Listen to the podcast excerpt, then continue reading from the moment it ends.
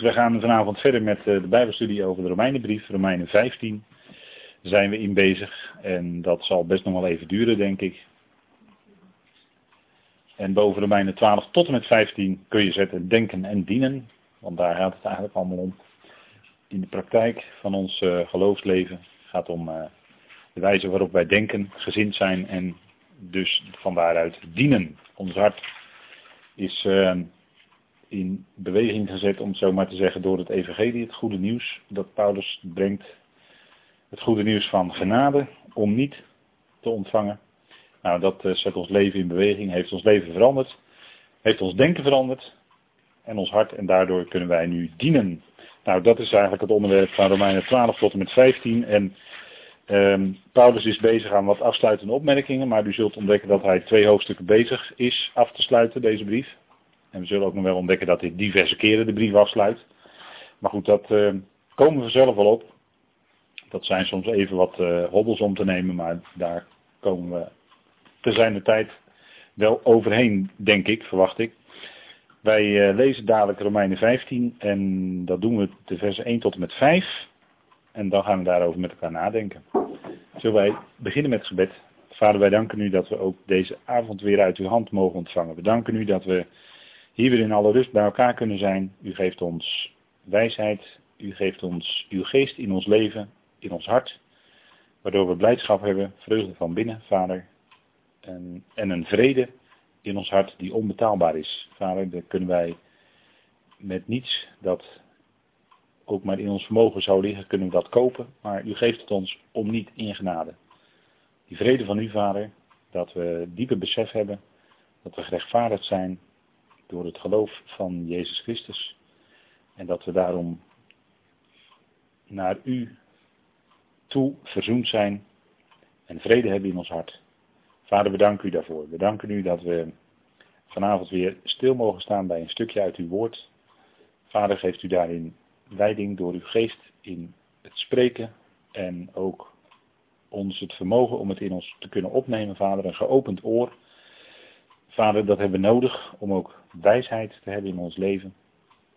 Dank u wel dat we zo hier vanavond bij elkaar kunnen zijn. En we bidden ook voor hen die er vanavond niet bij kunnen zijn. U kent ook hen op hun plaats. U weet alle dingen, Vader. U weet wat nodig is. En we danken u dat het ook vanavond zal mogen zijn. En daar strekken we ons naar uit dat het is tot eer van uw naam. Vader, we danken u daarvoor in de naam van uw geliefde Zoon. Amen. Goed, wij lezen met elkaar Romeinen 15. En er staat, maar wij die sterk zijn, zijn verplicht de zwakheden van hen die niet sterk zijn te dragen. En niet onszelf te behagen. Laat daarom ieder van ons zijn naaste behagen ten goede tot opbouw. Want ook Christus heeft niet zichzelf behaagd, maar zoals geschreven staat, al de smaad van hen die u smaden is op mij gevallen. Want al wat eertijds geschreven is, is tot, is tot onze onderwijzing eerder geschreven, opdat wij in de weg van volharding en vertroosting van de schriften de hoop, de verwachting zouden behouden. En de God van de volharding en van de vertroosting mogen u geven onderling eensgezind te zijn in overeenstemming met Christus Jezus. Tot zover. En we willen vanavond wat meer stilstaan bij dat vierde vers. Dat hebben we de vorige keer ook al een beetje gedaan. Maar ik wil daar toch nog wat dieper op ingaan. Paulus maakt daar een opmerking over wat eerder geschreven is. En als rabbi weet hij natuurlijk dat dat, uh, of doelt hij natuurlijk op de Tenach. En uh, de brieven die hij daarvoor geschreven heeft. Veel meer was er toen dat men niet geschreven. En als hij zegt al wat tevoren geschreven is, dan is dat de Tenach.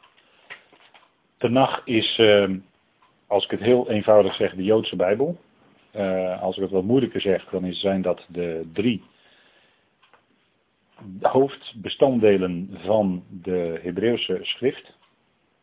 Waarvan een deel ook in het uh, Aramees geschreven is.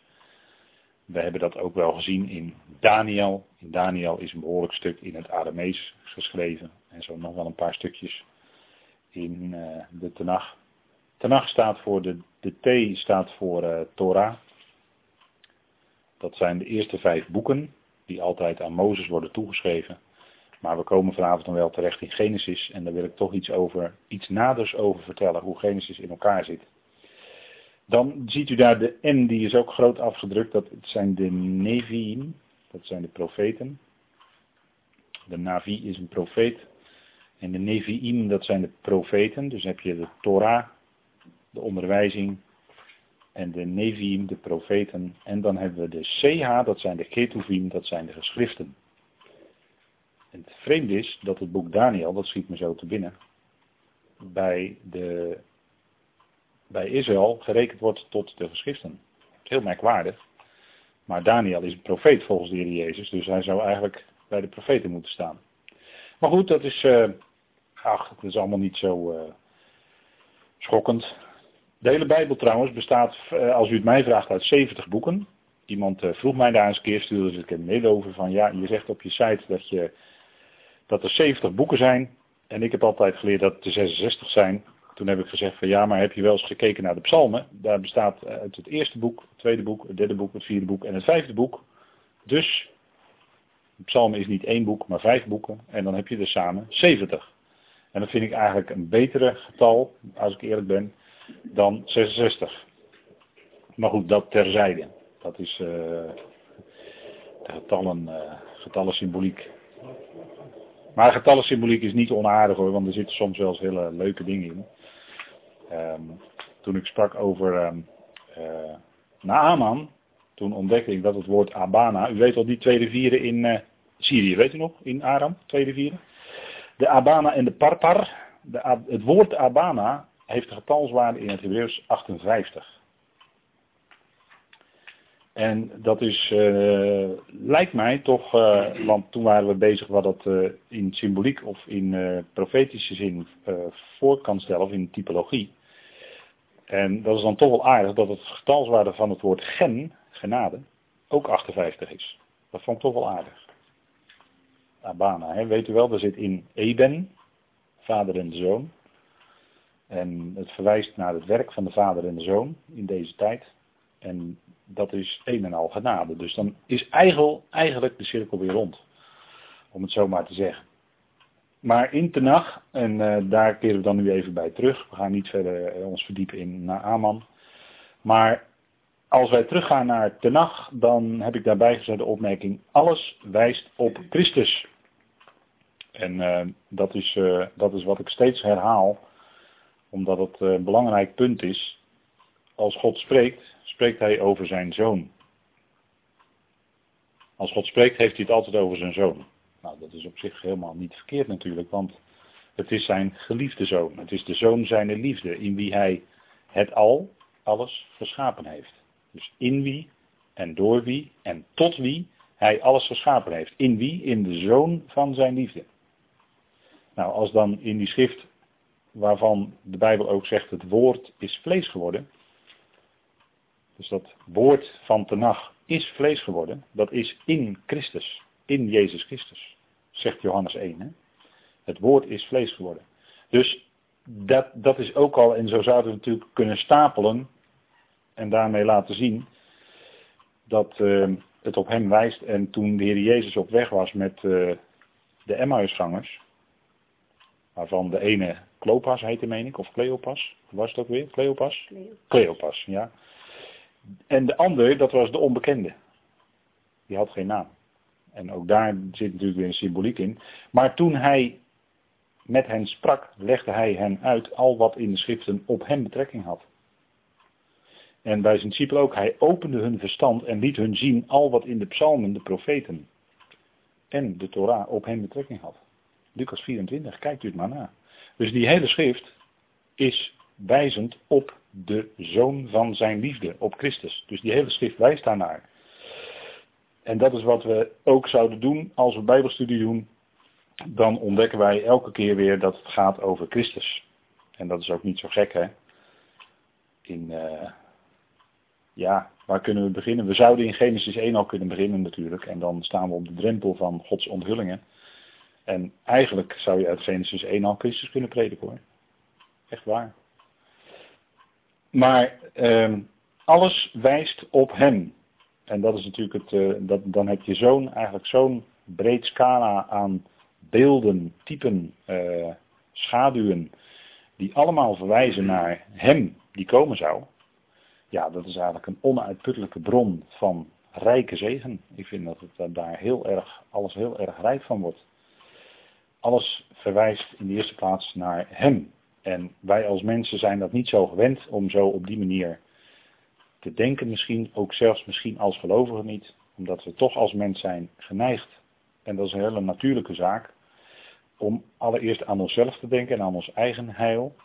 Maar als we naar de schriften kijken, dan zouden we toch eerst die zoon die dat heil bewerkte, bovenaan moeten zetten. En pas daarna komen wij. Dat is, dat is gewoon zo. Dat, dat, anders kan het niet. Hè? Hij eerst en daarna wij pas. Even bescheiden zijn. Hè? Even je juiste plaats weten.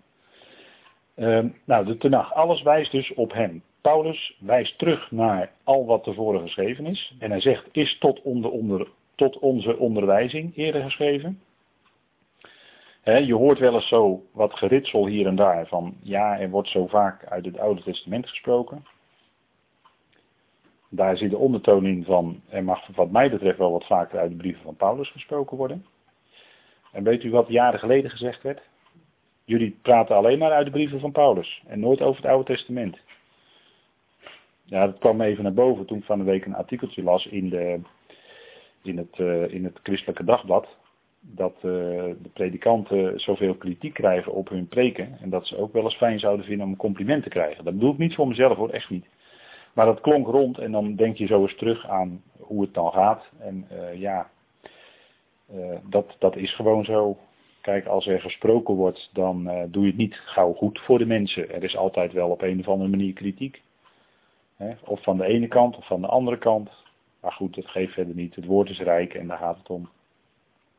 Als dat maar klinkt, dat is belangrijk.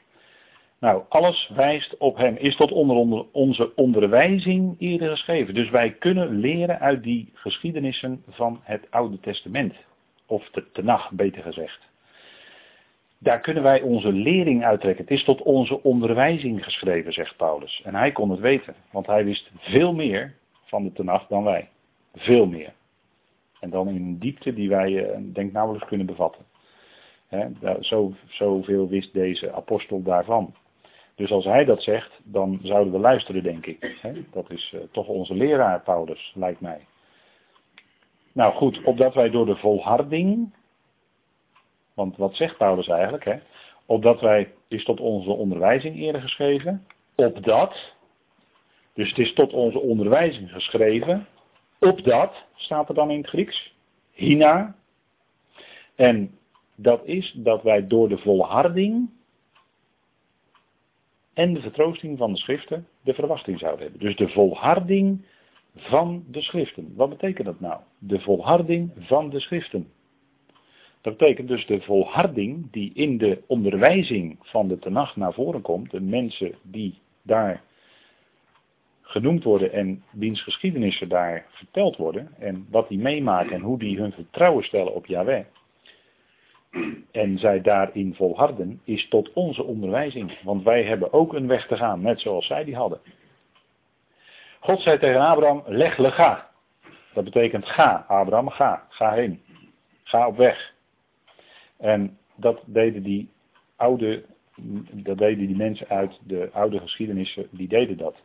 En dat is opdat wij ook de verwachting zouden hebben. Dus het is door de, door de het is tot onze onderwijzing geschreven, opdat wij door de volharding en de vertroosting, want dat, is, dat zijn twee dingen die naast elkaar zijn, hè? naast elkaar staan. Dus volharding is eronder blijven staan. En wat heb je nodig als je eronder blijft staan? Onder druk, lijden en verdrukkingen. Wat heb je dan nodig? Vertroosting. Nou, dus die twee dingen staan naast elkaar, hè? Dat zegt Paulus natuurlijk niet voor niks. En opdat wij dan de verwachting zouden hebben. Want als je in je leven niet een vage hoop, maar als je een vaste verwachting hebt, denk erom dat dat een kracht is in je leven. Dan heb je uitzicht, dan heb je een toekomst. En we hebben een geweldige toekomst. Ongelooflijk als je dat even iets realiseert. En ik denk dat we onder elkaar daarover kunnen spreken, met elkaar, over die toekomst die ons te wachten staat. Want dan bemoedig, dan bemoedig je elkaar. Dan spreek je het uit, wat in je hart is. En het komt bij die ander in de oren. En ook nog eens in je eigen oren. En dat bemoedigt je. Dus we kunnen ook onder elkaar spreken over die geweldige verwachting die wij hebben. En die oud-testamentische heiligen, om het zo maar te zeggen, die hadden ook een verwachting, namelijk het koninkrijk. Als de Messias zou komen. En daar keken ze, de gelovigen keken daar hartstochtelijk naar uit, naar de Messias. Als ze maar iets hoorden van dat het misschien de Messias zou kunnen zijn, dan sprong hun hart op. Dan waren ze van binnen blij en verheugd, want de Messias, de Messias zou komen. Hij die hen zou verlossen en een rijke zegen zou brengen die beloofd was aan alle profeten, door de profeten. En God is trouw aan zijn woord en zal het ook volbrengen. Hè? Zou hun ongeloof het geloof van God te niet doen, zegt Paulus in Romeinen 3. Hebben we besproken met elkaar. Hè? Maar het geloof van God, wat is dat? Dat is dat Hij de betrouwbare is en dat Hij het vertrouwen schenkt dat Hij ook al die beloften die Hij beloofd heeft zal vervullen. Dat is geloof van God. Of de trouw van God, zo kan je het ook vertalen, want geloof en trouw zijn twee kanten van hetzelfde woord. En hij is trouw, dus zou hun ontrouw de trouw van God te niet doen? Maar zegt Paulus, mogen dat niet gebeuren. Volstrekt niet. God is trouw, hij zal al zijn beloften vervullen. Kijk, de, ik heb een paar voorbeelden daar genoemd. Koning Jozefat, die kwam in de problemen. Althans, er kwam grote dreiging. Laten we het maar even opzoeken met elkaar. 2 Kronieken 20. 2 Kronieken 20. Ik heb expres wat gedeeltes uitgezocht waarvan, u, waarvan ik denk dat u ze niet elke dag leest.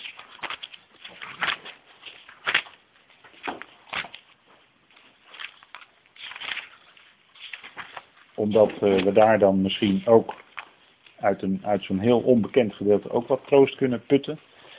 En kracht hebben tot volharding. Dat is dan eigenlijk de bedoeling. 2 Kronieken 20.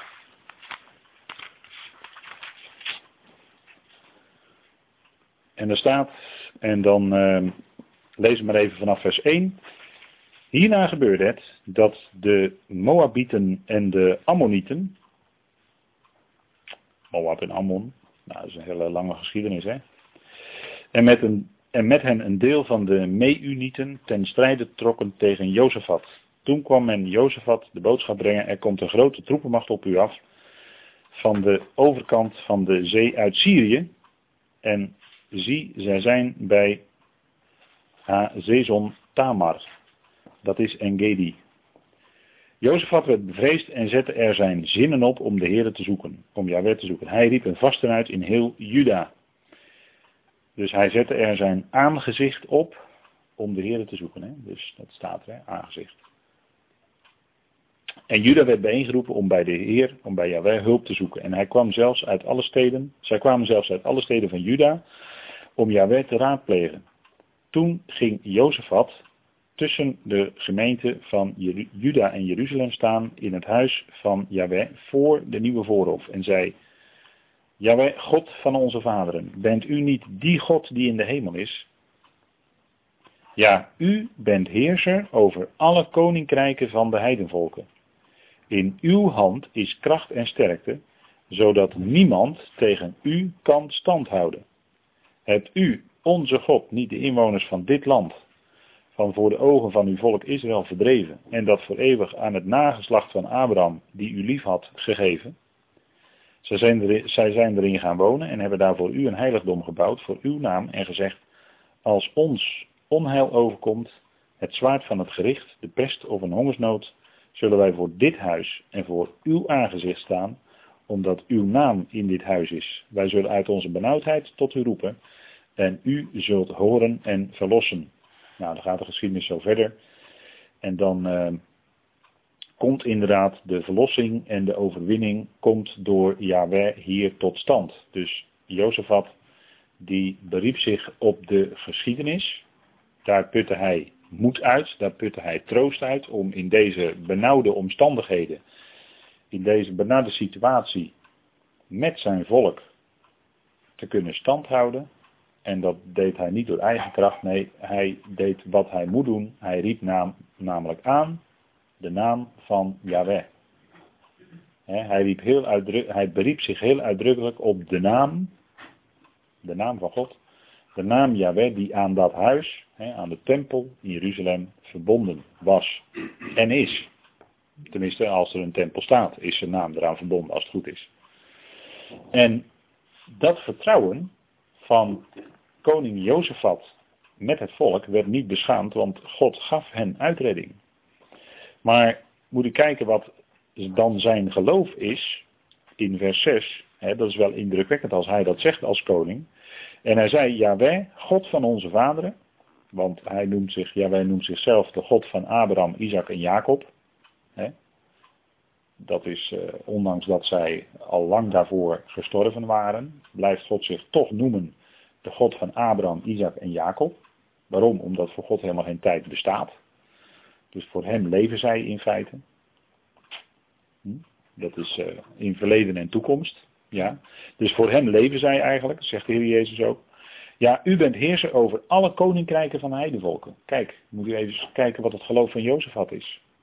U bent heerser over alle koningen van de heidenvolken. Over alle koninkrijken. Met andere woorden, koning Jozefat geloofde dat alles in de hand is van Yahweh.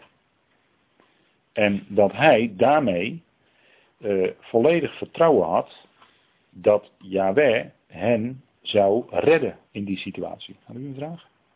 Ja, dacht ik. In, en dan zegt hij, in uw hand is kracht en sterkte, zodat niemand tegen u kan standhouden. En dan denk ik toch aan een koning als Nebukadnezar, die pas na zeven tijden van verootmoediging, van vernedering te midden van de dieren van het veld, ook tot deze overtuiging kwam. En dat ook uitsprak. Dat alles in de handen is van de God, de God des hemels. Dat hij al die koninkrijken in zijn macht heeft. En dat vertrouwen en ook die diepe overtuiging in zijn hart dat alles in de hand is van Yahweh, dat werd niet beschaamd.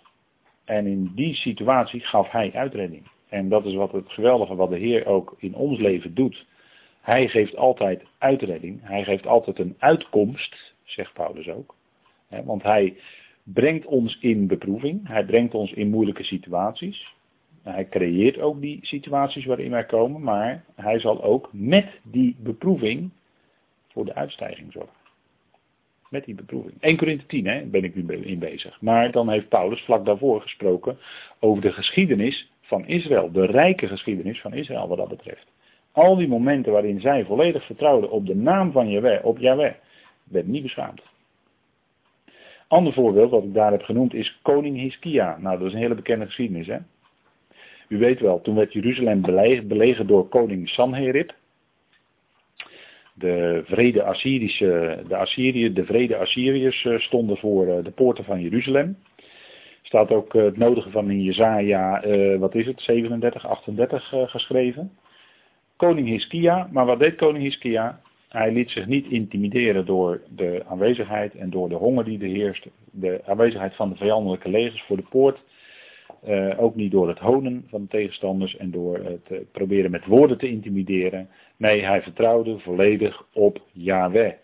En wat deed Yahweh? De engel des Heren sloeg in één nacht, als ik het goed heb, 185.000 man. En ze moesten de aftocht blazen.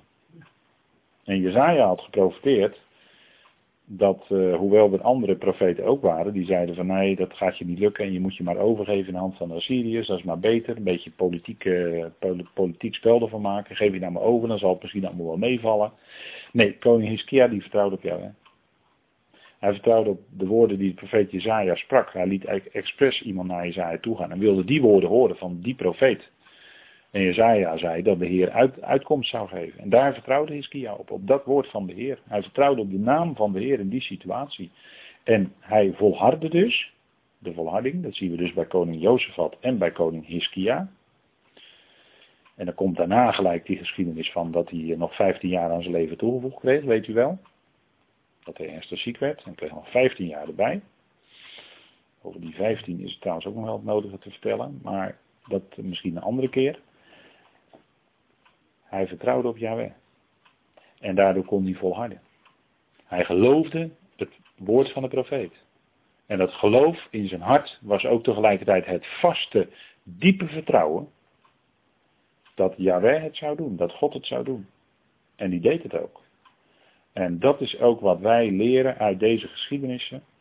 En dat is ook wat Paulus zegt in 1 Corinthië 10, dat hij met de beproeving, welke beproeving er dan ook is, zal hij ook voor de uitkomst zorgen. De uitstijging, of hoe je het noemen wilt. Het is niet zo dat hij de beproeving wegneemt uit ons leven. Nee, we gaan er samen met hem doorheen. En dat is in geloof. Wij wandelen in geloof. Niet in dat wij, wat wij waarnemen met onze ogen, want dan zouden we heel bang worden misschien. Maar we wandelen in geloof. We wandelen eigenlijk net als een Mozes, die wandelde als ziende de onzienlijke. Weet je wel, Hebreeën 11. Hij vertrouwde op de onzienlijke. En dat wat zijn ogen zagen op dat moment, daardoor liet hij zich niet intimideren. Maar hij ging zijn weg met God. En hij achtte de, let op, hè, hij achtte de smaadheid van Christus een grotere schat dan de alle schatten van Egypte. Dat staat in Hebreeën 11. Hij achtte de smaadheid van Christus een grotere schat dan alle schatten van Egypte. Nou, dat is wat. Dat is wat. Nou, dat zijn allemaal zo voorbeelden. Mozes, Jozefat, koning Hiskia. Als we die levensgeschiedenissen bestuderen, dan krijgen wij ook kracht tot volharding, omdat wij daaruit leren dat wij kunnen vertrouwen op God. En, hij, en, en al wie op hem zijn geloof bouwt, Romeinen 10, daar gaan we weer, al wie op hem zijn geloof bouwt, zal nooit beschaamd uitkomen. Als u echt uw geloof op hem hebt gebouwd, gaat u het maar na in specifieke levenssituaties. Als u echt uw geloof op hem gebouwd hebt in die situatie, bent u dan ooit beschaamd uitgekomen? Denk het niet denk niet dat u dan ooit beschaamd uitkomt. Als je op hem je geloof bouwt, daarin word je niet beschaamd. Ik denk dat we dat allemaal wel uit ervaring kunnen zeggen. En misschien wel op momenten dat we onze eigen wegen zochten. En op momenten dat we zelf allerlei handige, weet ik watjes deden. Dat we toen wel beschaamd uitkwamen. Maar ja, dat was even een moment van zwakte waarin we niet vertrouwden op hem. Maar probeerden onze eigen oplossingen te kiezen en onze eigen wegen te gaan. Dat kan. Maar dan, dan, dan, dan blijkt dat we daarin zwak zijn. Dan blijkt onze zwakte. En dat is dan tegelijkertijd weer een leerschooltje, om het zo maar te zeggen. Om wel op hem te vertrouwen.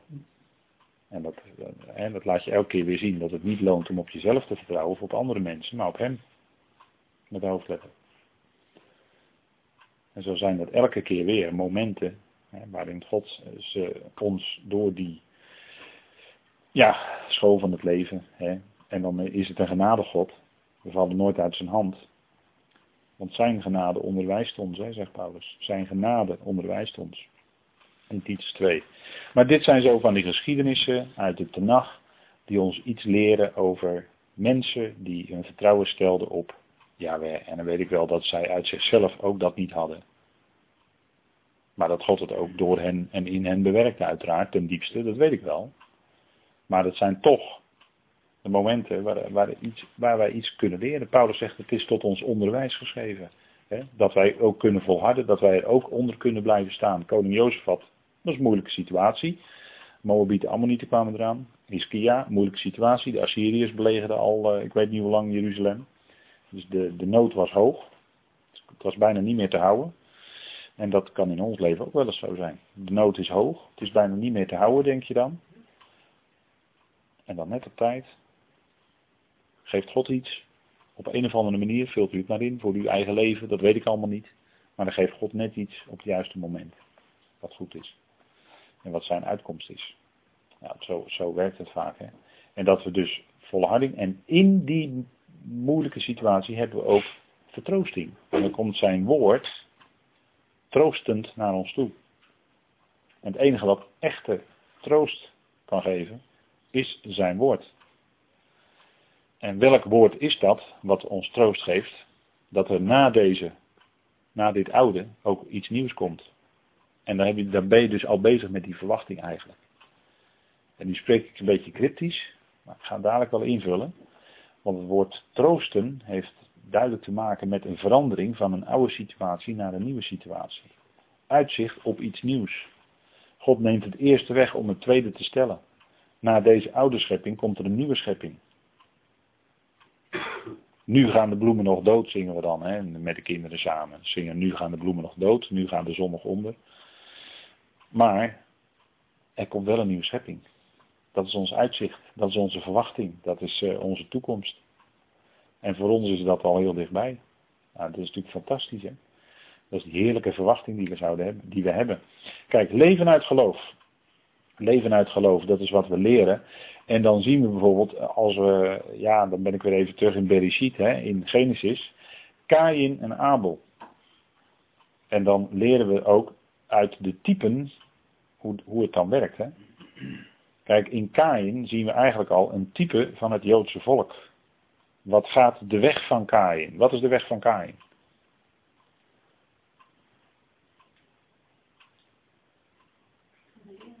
Wat is de weg? Wat?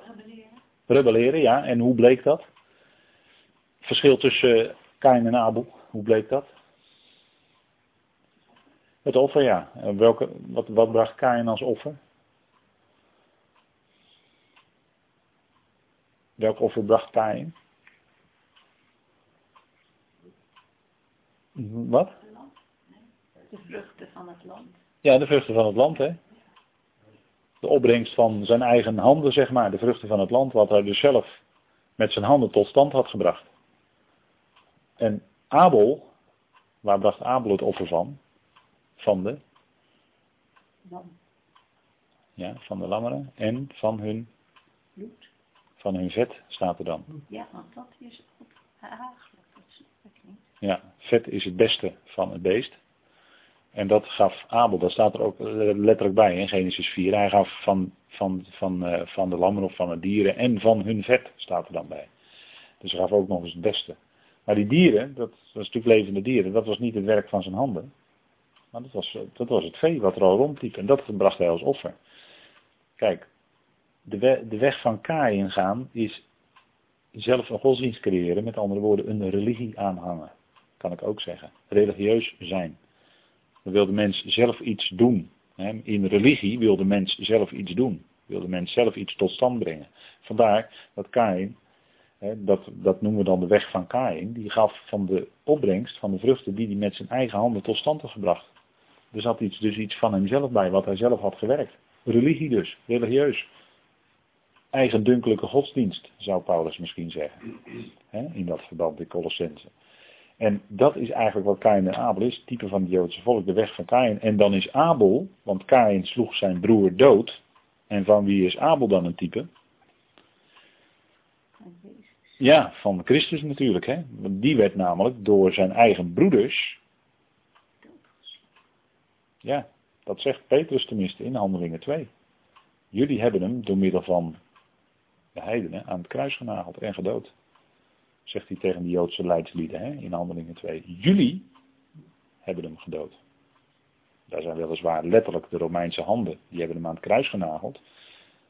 Maar Petrus stelt vast dat, dat die over, over en schriftgeleerden dat hadden gedaan.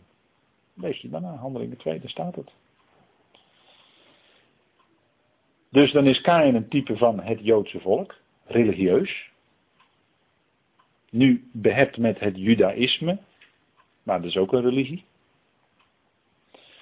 En zij gaan dus de weg van Kain en de weg van Abel. Ja, dat, die, dat is een type van Christus. Type van Christus, hè. Dus we zien eigenlijk al heel vroeg in Genesis, in Genesis 4, die lijnen al lopen. En leven uit geloof, dat deed Abel. En die gaf ook van de beesten, die gaf van de dieren. En die dieren uit, in zichzelf zijn natuurlijk ook een uitbeelding van het offer van Christus zelf. Want hij was toch zelf het lam, zoals het lam dat stom is voor zijn scheerders. Zo deed hij zijn mond niet open. Jezaja 53. Dat is, dat is de Heer zelf, die wordt daar ook vergeleken met het lam. Johannes zei toch ook, zie het lam van God dat de zonde van de wereld wegdraagt. Zie het lam. Dus die dieren die Abel ten brandoffer bracht, dat was God wel gevallig, want daarin waren zij, dat is een type of een beeld, uitbeelding van zijn eigen zoon. Nou, zo heb je die lijn, hè. Dan zien we dus dat, dat geloof, Hè? Door het geloof. Staat er ook hè, in Hebreeën 11. Dat door het geloof Abel een beter offer heeft gebracht. Zullen we het even met elkaar lezen? Hebreeën 11.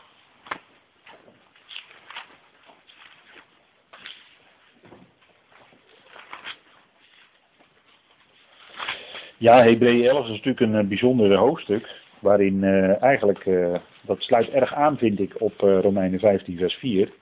Dat wat tevoren geschreven is, is tot onze onderwijzing geschreven. En die onderwijzing vinden we onder andere in Hebreeën 11. Daar vind je gewoon de lijntjes in terug. Hè, die, die terugverwijzen naar de geloofsmensen. Wordt altijd, vaak wordt genoemd de geloofshelden.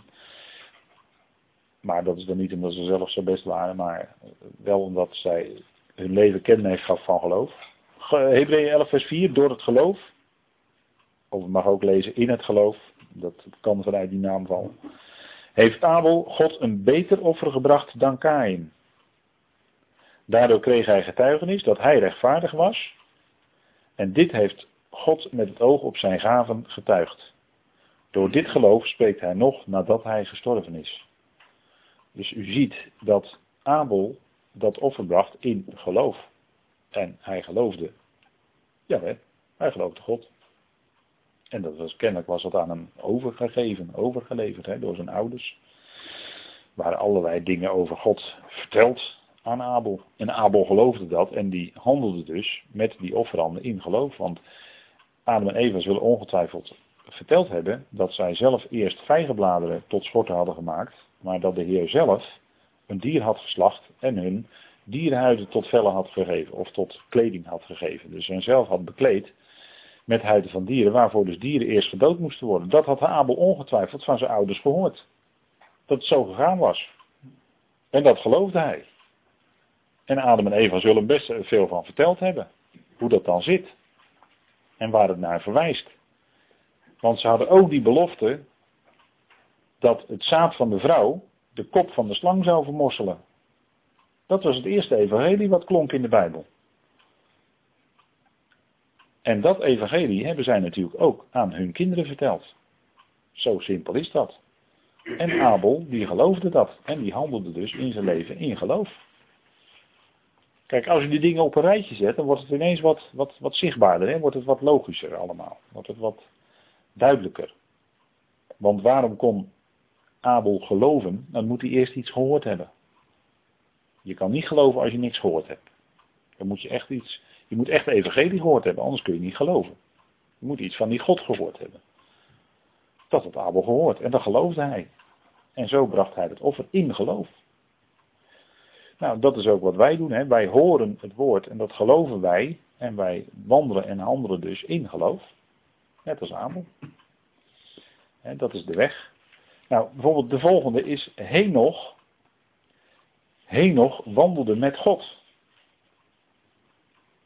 En dat kunnen we teruglezen in Genesis 5. Nou, we lezen even verder in Hebreeën 11. Door het geloof werd Henoch weggenomen, opdat hij de dood niet zou zien.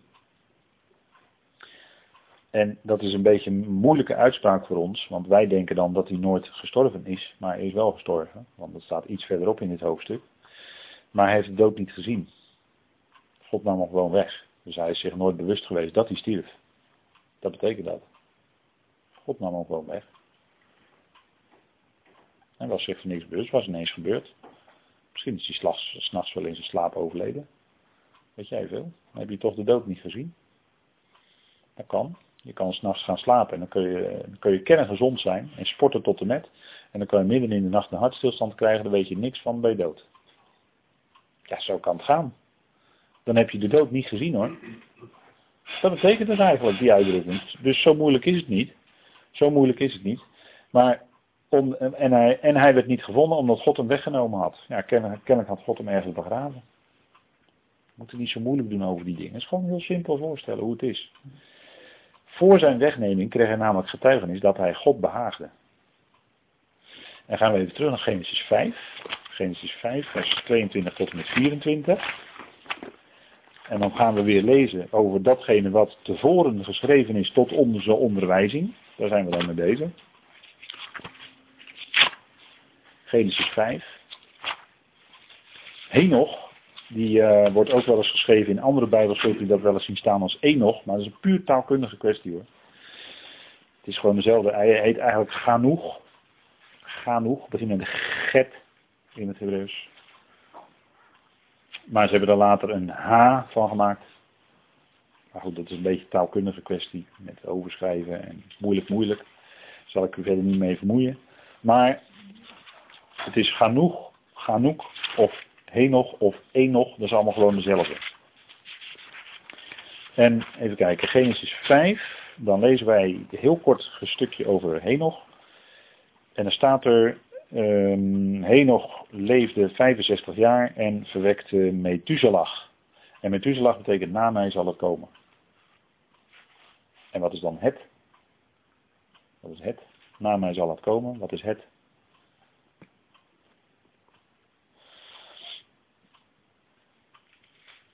De vertroosting. Nou goed, die zal ik straks nog even verder uh, uitleggen. En Henoch wandelde met God nadat hij Methuselah verwekt had 300 jaar en hij verwekte zonen en dochters.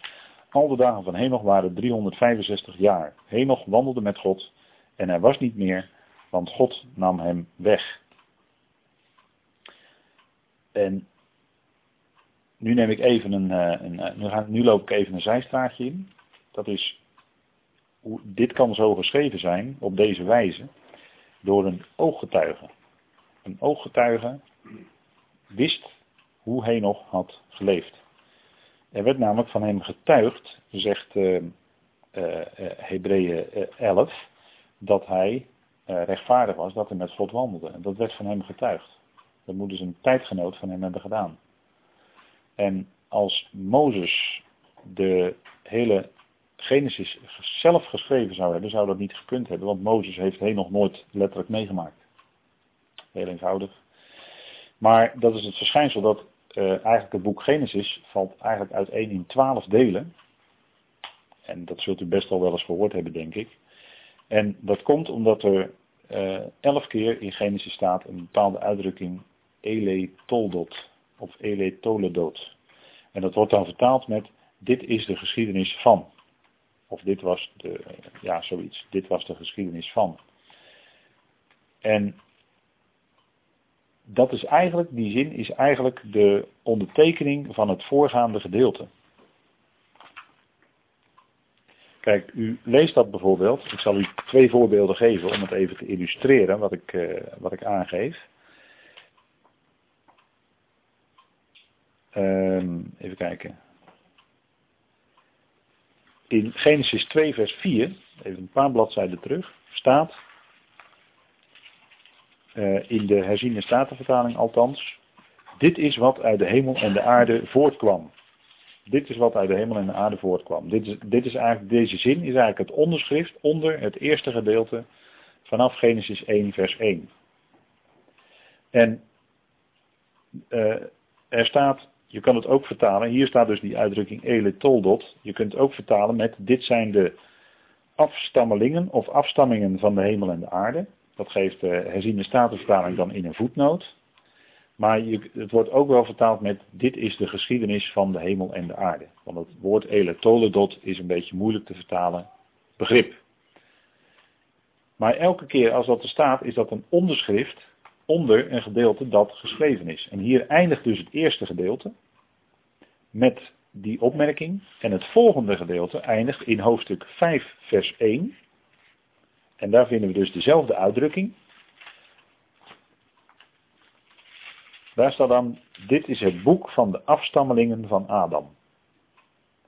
Of dit is het boek van de geschiedenissen van Adam.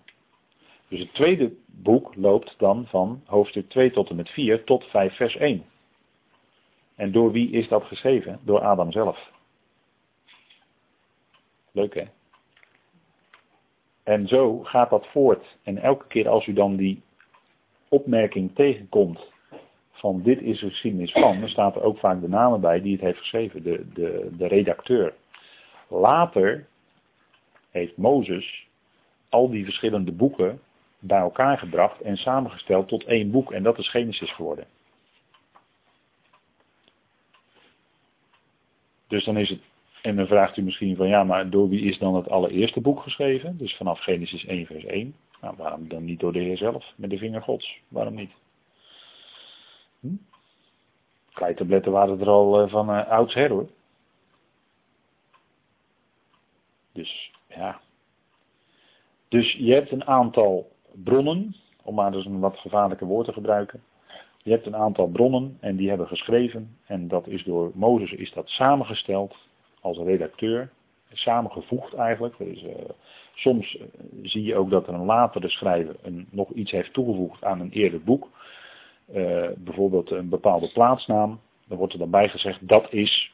En dan wordt er een andere plaatsnaam bijgezegd. Met andere woorden, dat is nu. Of die plaats heet nu zo, maar heette toen zo. Nou goed, dat, dat, dat is verklaring voor een aantal soms moeilijke dingen. Die, althans, er wordt moeilijk over gedaan. Maar goed, dus een tijdgenoot van Henoch, waarschijnlijk uh, degene die dit gedeelte dan geschreven heeft vanaf 5 vers 1, die heeft dat geschreven, die heeft dat getuigd, dat Henoch een rechtvaardig man was en wandelde met God. En ineens was hij er niet meer. Ja, dat kan. Ineens was hij overleden. God had hem zelf begraven. Was weg. Hij was niet meer. En hij heeft de dood niet gezien. Hij had dat nooit bewust geweest. Niet allemaal van die verhalen van Henoch is in de hemel, want dat kan helemaal niet. De hemel is wat dat betreft leeg. Er is maar één mens daar, dat is Christus Jezus. In de hemel. Voor de rest is de hemel wat mensen betreft volkomen leeg. Het is wel erg vol hoor daar, dat zijn hemelingen. Dat is weer heel wat anders, dat zien wij niet. Maar, dus een ooggetuige getuigde van Henoch dat hij wandelde met God en hij was niet meer. Nou, dus, en dat deed hij door geloof. Henoch wandelde met God en hij was ineens weg. En dat vind ik eigenlijk een prachtig voorbeeld van de wegrukking van de gemeente. Het lichaam van Christus. Ze waren ineens allemaal weg. Ze waren er niet meer. Ze waren gewoon weg. God had hen namelijk weggerukt. Naar boven toe. En ze ontmoetten de Heer in de lucht. Ja toch? Of is dat nou... Dat is toch niet zo moeilijk dan? En daarin is Henoch eigenlijk een uitbeelding of een type, zo u wilt, van de gemeente.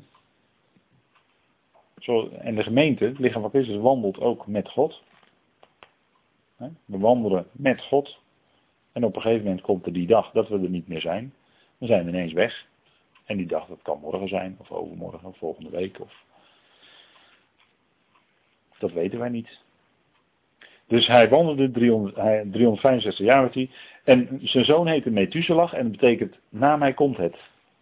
Want in al die namen zit er ook een hele geschiedenis. Hè? Als je die namen op een rijtje gaat zetten, nog Methuselah enzovoort, daar zit ook een hele geschiedenis in. Dat heb je misschien ook wel eens gehoord ergens in een studie. Maar dat is prachtig hoor, als je al die namen naloopt. Maar dan betekent na mij komt het. Na mij komt de vertroosting. Ik had ook kunnen zeggen, na mij après nous le déluge. Na mij de zon. Ja, precies. Na mij de zonvloed. Na mij de grote vloed. Maar daarmee kwam ook de vertroosting. Hè? Want Noach. Noach, zijn naam betekent vertroosting. De naam Noach, dat is mooi hoor, die is afgeleid van het Hebreeuwse Nagam. En het Hebreeuwse Nagam betekent vertroosten of vertroosting. Bijvoorbeeld eh, een oude premier van Israël heette Menachem. Weet je nog wie dat was? Ja. Ja, ik, hoor, ik zie u allemaal. Begin, hè? Menachem Begin. Maar die had een hele mooie voornaam, Menachem. Daar, daar zat de troost in. Mooi, hè? Netanyahu is ook zo'n mooie naam. Maar goed. Dus na mij komt het. Wat? De vertroosting. Bij Noach kwam de vertroosting. God troostte zich eigenlijk, zou je ook nog kunnen lezen, toen hij de zondvloed ging brengen over, of de grote vloed ging brengen over de aarde. Want daarmee zou de aarde gereinigd worden en zou er een nieuw begin komen. Acht mensen werden ook door het water heen gered. Acht. Noach en zijn gezin. Acht mensen. Bij acht is altijd een nieuw begin hè, in de Bijbel. Dan ben je voorbij de zeven. Dan ben je dus voorbij deze oude schepping. De zeven is de oude schepping. Hè. Deze schepping is allemaal zeven. Maar dan ben je dan voorbij. Dan ben je in de acht. Dan ben je in de nieuwe schepping is mooi hè. Dat zit ook eigenlijk in 58. Dan is de verlossing, dat is de 50, en de 8. Dat is de nieuwe schepping. Verlossing in de nieuwe schepping. En dat is getalswaarde van het woord genade. Want uiteindelijk blijft er over liefde en dat is ook genade. Nou, dat is geweldig, hè? dat zijn van die beelden. En God, als God vertroost, dan vertroost Hij met de woorden van er komt iets nieuws. Er gaat iets nieuws komen. Dat is voor ons de grote troost. Na lijden komt heerlijkheid. En dan is hij de God van alle vertroosting die dat zegt in 2 Korinthe 4. Want de tweede Korinthebrief opent met dat hij de God is van alle vertroosting. Zodat hij troost in al onze druk, zodat wij anderen kunnen vertroosten met de troost waarmee wij zelf door God vertroost werden. En die troost is dat er na dit lijden heerlijkheid komt. Er komt iets nieuws. Maar die les ligt al bij Noach. Zit al in de naam Noach, Nagam. Er komt iets nieuws. Hij maakt een nieuw begin. Dat is ook tegelijkertijd verwachting. En dan ziet u hoe nou eigenlijk troost en verwachting aan elkaar gekoppeld zijn. Want die verwachting die wij hebben, dat is onze troost. En de verwachting dat wij de Heer gaan ontmoeten in de lucht, die verwachting, dan spint je hart op. Want dan weet je dat je Hem gaat ontmoeten. Dat je Hem gaat zien die alles voor jou heeft overgehad. Die alles heeft betaald. En die weg van lijden en verdrukking en verootmoediging is gegaan. Om ook u, jou en mij te redden. Nou, dat is iets, dat is een geweldige boodschap, dat is een goed bericht, dat is goed nieuws. En dat is wat je hart verblijdt. En dat is wat je vertroost, want dat schept een geweldige verwachting voor de toekomst. En dat is waar, wij ons elkaar mee vertroosten. En die vertroosting zit dus in al die geschiedenissen van Tenach. Daar zit die diepe vertroosting in. de ware gelovigen uit Gods volk, die kenden ook die verwachting. En die kenden ook die vertroosting. Nou kijk, hier Noach, hè. hier ligt hij. JH heeft hem gebouwd. En uh, ja, dat is, ik vind het toch mooi. Het is een prachtig symbool van hoe God eens uh, destijds uh, acht zielen door het water heen gered heeft, zegt Petrus. Hè? Acht, Noach en zijn gezin. En dus troost is het symbool natuurlijk van troost. Want de aarde werd weer droog. En er was een nieuw begin, dat zingen de kinderen ook. Hè? De aarde wordt weer droog, een nieuw begin. Ja, dat is, maar dat is ook tegelijkertijd vertroosting. Kijk, deze oude aarde zal ook vergaan, zegt dus die is ten vure bewaard. Maar na deze oude aarde, die door vuur zal vergaan, komt er een nieuwe hemel en een nieuwe aarde. Dat is onze troost. Nu gaan de bloemen nog dood. Nou, troost ons met het geweldige dat er komt een nieuwe schepping. En mensen, dat is wat hoor. Dat is wat, dat zal wat zijn. Ongelooflijk. Dat gaat al je verwachtingen ver overtreffen. En dat mogen wij al heel binnenkort gaan meemaken. Goed, nou met deze woorden gaan we even een slok drinken. Om dat even te verwerken.